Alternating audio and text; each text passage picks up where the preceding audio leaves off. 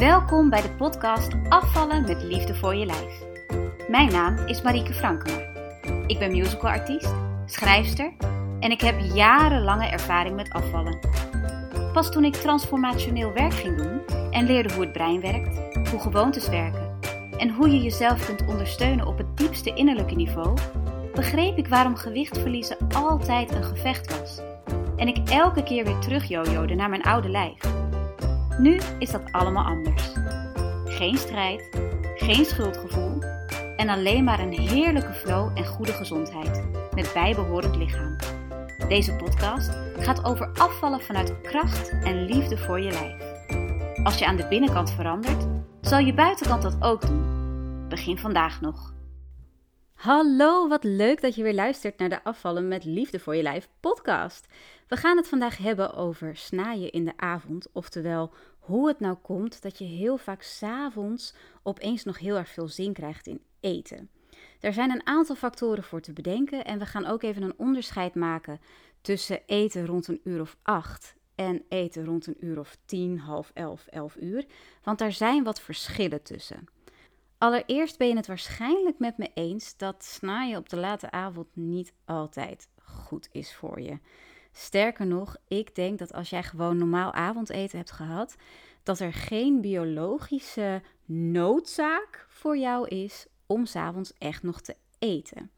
Dat gezegd hebbende kunnen er wel biologische processen aan ten grondslag liggen dat jij nog zo'n zin hebt in eten s'avonds.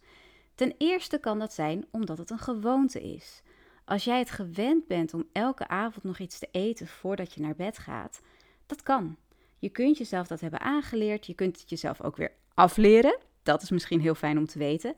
Maar het kan dus zijn dat het gewoon een gewoonte is. En als je langer naar de podcast luistert, dan weet je dat een gewoonte supersterk kan zijn. Dat jouw oerbrein echt denkt dat jij doodgaat als je die gewoonte niet doet. Dat jouw overleven dan in gevaar komt. Dus dat kan een hele, hele sterke drang zijn om toch s'avonds te gaan eten. Je kunt hem vrij eenvoudig ombuigen. Daar heb je gewoon wat trucjes voor nodig. En een van die dingen is om te beseffen dat het maar een gewoonte is. Dat je echt niet ervan doodgaat en dat je dus je aandacht verlegt naar iets anders. Als je een paar dagen effectief dat kunt doen, dan is de neiging weg. Dan heb je de gewoonte doorbroken. Moet je wel eventjes bij weten dat zodra je hem wel weer gaat doen, dus zodra je wel weer s'avonds iets gaat eten, dan ben je meteen weer het bokje, zit je er weer heel makkelijk aan vast. Dus dan is het rinse and repeat, oftewel weer jezelf afwennen dat te doen. Mits je dat wil natuurlijk, hè. als jij er heel gelukkig mee bent, dan heb ik niks gezegd. Wat er voor de rest gebeurt, s'avonds kan het heel goed zijn dat om een uur of acht jij voor het eerst gaat zitten. Dat dat het moment is waarop jij gaat ontspannen. Voor het eerst die dag. En dat dan jouw lichaam denkt: hè, hè, ze heeft eindelijk tijd voor mij. Ik ga eindelijk eventjes laten weten wat ik nodig heb. Want ik ben moe, mijn energie is op en ik wil nu alsjeblieft herstellen, weer wat energie opdoen. Ik wil uitrusten. En bam, daar komt die honger die je misschien de hele dag al gehad hebt. Of boem, daar komt dat energiegebrek en dat is een heel onbehagelijk gevoel. En als jouw lichaam gewend is om dat onbehagelijke gevoel te vervullen, weg te halen door middel van eten, dan zit je dus al. Dus het kan best zijn dat alle selfcare die jij jezelf overdag niet geeft, s'avonds eruit komt, s'avonds jouw aandacht vraagt door middel van honger, door middel van trek. En waarschijnlijk ben je dan ook niet op zoek naar de gezonde dingen, maar ga je inderdaad voor die snelle fills, voor die snelle koolhydraten, voor die snelle vetten, voor dat snelle zout, voor die snelle suiker, zodat jouw lichaam zich snel gevoed voelt, wat eigenlijk niet zo is, maar dat is weer het anders, waardoor jij je dus beter gaat voelen, omdat je brein zich beter voelt bij het idee dat er iets gedaan is aan die onrust aan die vermoeidheid, aan dat energietekort. Dus als je vaak s'avonds de neiging krijgt om te snaaien, ook als je weet dat het niet goed voor je is, ook als je weet dat je echt genoeg gegeten hebt, kan het heel goed zijn dat je niet goed genoeg voor jezelf hebt gezorgd overdag. Als jij s'avonds om 8 uur uitgeput op de bank ploft en dat het eerste moment van de dag is dat je eventjes überhaupt tijd hebt om voor jezelf te ademen, dan is het heel logisch dat jouw lichaam daarop reageert. En dan zit de oplossing hem dus niet in s'avonds ook nog eens streng voor jezelf moeten zijn. Dan zit die oplossing hem eerder in jezelf overdag wat meer liefde en wat meer ruimte en wat meer rust geven. En nu bok je misschien, nu zeg je misschien meteen: dat kan niet, want ik heb 26 kinderen en ik heb werk en ik heb dit en ik heb dat. Kijk even wat je kunt doen. Want als dit het geval is en als jij elke dag geleefd wordt, no offense, maar ik denk dat je dan lekker op een padje bent naar een burn-out. En ik weet niet of je dat wil. En ik weet niet of die 26 kinderen daar iets aan hebben of dat je baas daar iets aan heeft. Alsjeblieft, alsjeblieft, maak tijd voor jezelf. Ik zeg dit niet met een beschuldigend vingertje, met een wijzend vingertje of wat dan ook. Ik zeg het echt uit liefde voor jou. Alsjeblieft. Als jij het gevoel hebt dat je inderdaad pas s avonds om 8 uur voor het eerst even ademt voor jezelf, ga dan eens nadenken wat je kunt veranderen. Want geloof me, dat is niet oké. En er zijn altijd manieren. Soms hebben ze een prijs en soms is het gewoon eigenwijzigheid die je tegenhoudt. Ik geef eerlijk toe dat ik mijn dochter wel eens lekker voor de televisie zet, zodat ik even gewoon vijf minuutjes ademen kan. Weet je, ze kijkt sowieso televisie als ik aan het koken ben. Dat vind ik een, een goede combinatie, want dan is zij rustig en kan ik me rustig concentreren op het koken. Maar ik zet haar rustig even 10 minuutjes eerder voor die tv, zodat ik voor het koken even een momentje voor mezelf kan pakken. Dus alsjeblieft, kijk waar die ruimte is. En misschien moet je daar eventjes iets voor aan de kant gooien, wat, wat wel belangrijk voor je is, maar wat misschien minder belangrijk is dan jouw welzijn. En misschien is het iets waar je gewoon nog nooit bij na had gedacht. Dat je opeens denkt: oh, verhip, zo kan het natuurlijk ook. De. Dus probeer daar eens heel open naar te kijken.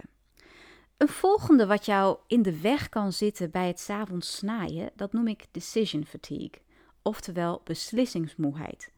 Stel je voor dat je de hele dag al bezig bent met beslissingen nemen. En eigenlijk hoef je daarvoor niet eens heel diep je fantasie in te duiken, want dat is wat je de hele dag al doet. Beslissingen nemen. Ga ik nu linksaf? Ga ik rechtsaf? Ga ik nu naar de supermarkt? Ga ik nu eerst dit doen? Ga ik nu eerst dat doen? Wat moet op mijn werk eerst gebeuren? Hoe doe ik met de kinderen? De, hele dag zit vol beslissingen. En een heleboel daarvan gaan onbewust. Maar vooral als je bezig bent met wat ingewikkeldere dingen, als je bezig bent met ook afvallen, dan ben je de hele dag door beslissingen aan het nemen. En een fenomeen dat dan optreedt is beslissingsmoeheid, oftewel decision fatigue.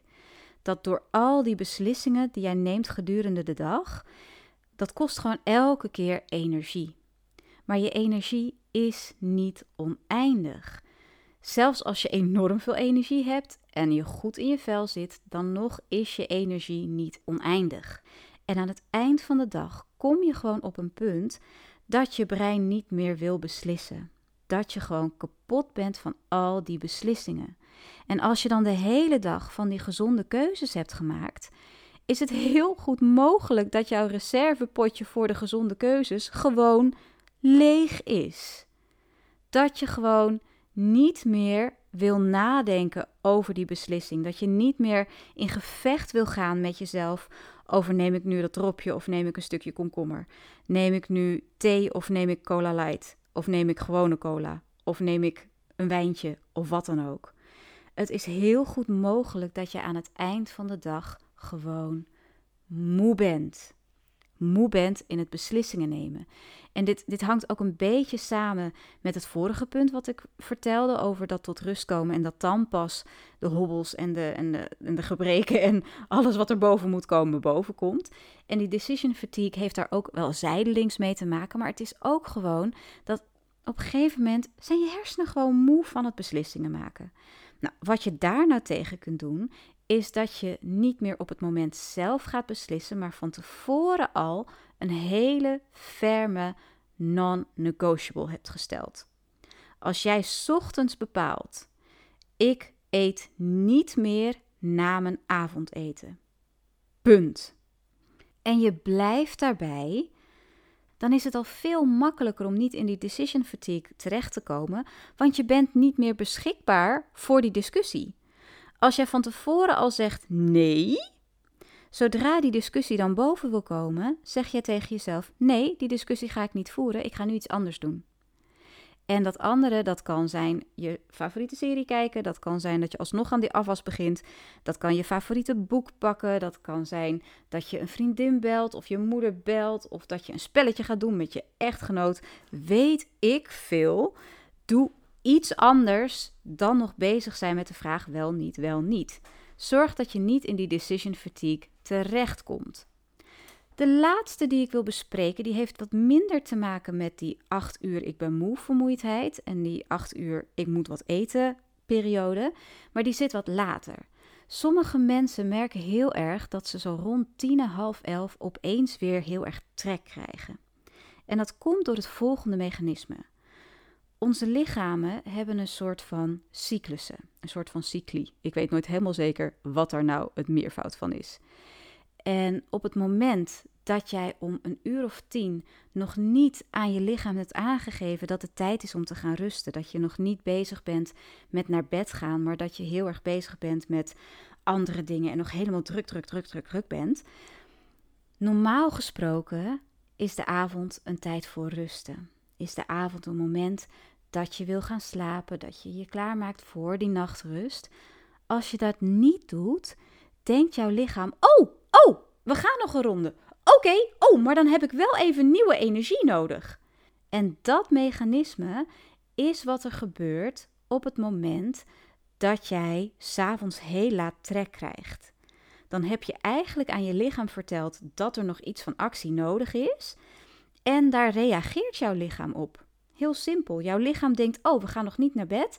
Maar ik ben wel al moe. Misschien merk je dat nog niet eens. Maar achter de schermen is dat echt al gaande.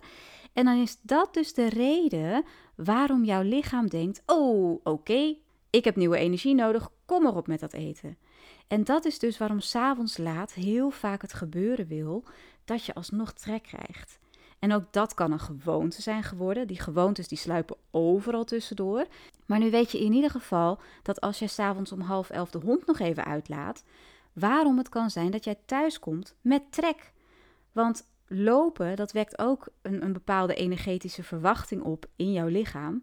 En dat zorgt ervoor dus dat je honger kunt krijgen. En als je dat kunt doorzien, als je tegen je lichaam kunt zeggen: nee, luister, sorry, dit was even mijn fout. We gaan nu niet meer energie nodig hebben, want we gaan echt gewoon naar bed. Dan is het ook alweer makkelijker om die late snackmomenten te laten gaan. Dit is trouwens ook een beetje waarom midden in de nacht na het stappen mensen altijd zo'n honger hebben. Dat is ook de alcohol, want alcohol zorgt ervoor dat je honger krijgt. Maar dat is dus ook gewoon die energiehuishouding in je lichaam die even van slag is, omdat je normaal gesproken gewoon al slaapt rond die tijd. Als je om één of twee uur s'nachts, of tenminste ik neem dat even aan, als je om één of twee uur s'nachts nog wakker bent, dat dat niet iets is wat je dagelijks doet. Zou kunnen. En misschien is het ook wel een stukje waarom nachtdiensten ook gewoon fysiek heel zwaar kunnen zijn voor je. Dat dat ook heel lastig is om dat goed te combineren met je energiebehoeften qua voeding. Maar daar heb ik niet genoeg verstand van, daar wil ik nog wel eens induiken. Maar dat weet ik dus niet helemaal zeker. Dus als jij s'avonds aan het snacken slaat en je wilt dat niet, dan weet je nu wat de verklaringen kunnen zijn, anders dan dat je daadwerkelijk honger hebt. Anders dan dat je daadwerkelijk iets van eten nodig hebt. Als je eten nodig hebt, dat kan hè, maar wees er gewoon echt heel mindful over en weet dat het ook andere dingen kunnen zijn dan oprechte honger. En ga dan even heel goed bij jezelf na. Heb ik goed genoeg voor mezelf gezorgd vandaag? Is dit nu nodig?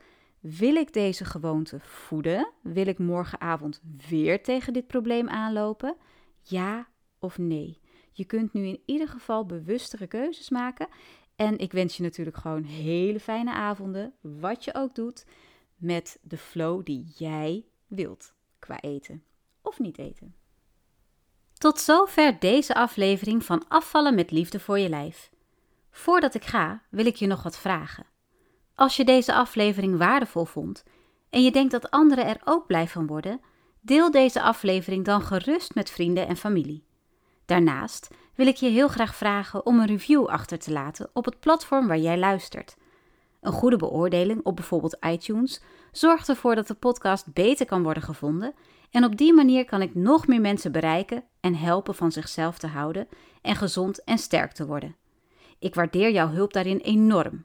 Oh, en als je je abonneert, mis je geen aflevering meer. En ook dan is de kans dat mensen de podcast kunnen vinden groter. Ik zeg win-win. En volg je me al op social media? In de show notes vind je de links naar onder meer Facebook en Instagram. Ik vind het superleuk om te horen wat jouw aha-momentjes waren en je kunt me altijd een persoonlijk berichtje sturen met een vraag of opmerking. Je mag natuurlijk ook een onderwerp voor de podcast aandragen. Ik wens je een heerlijke dag verder en onthoud, you got this.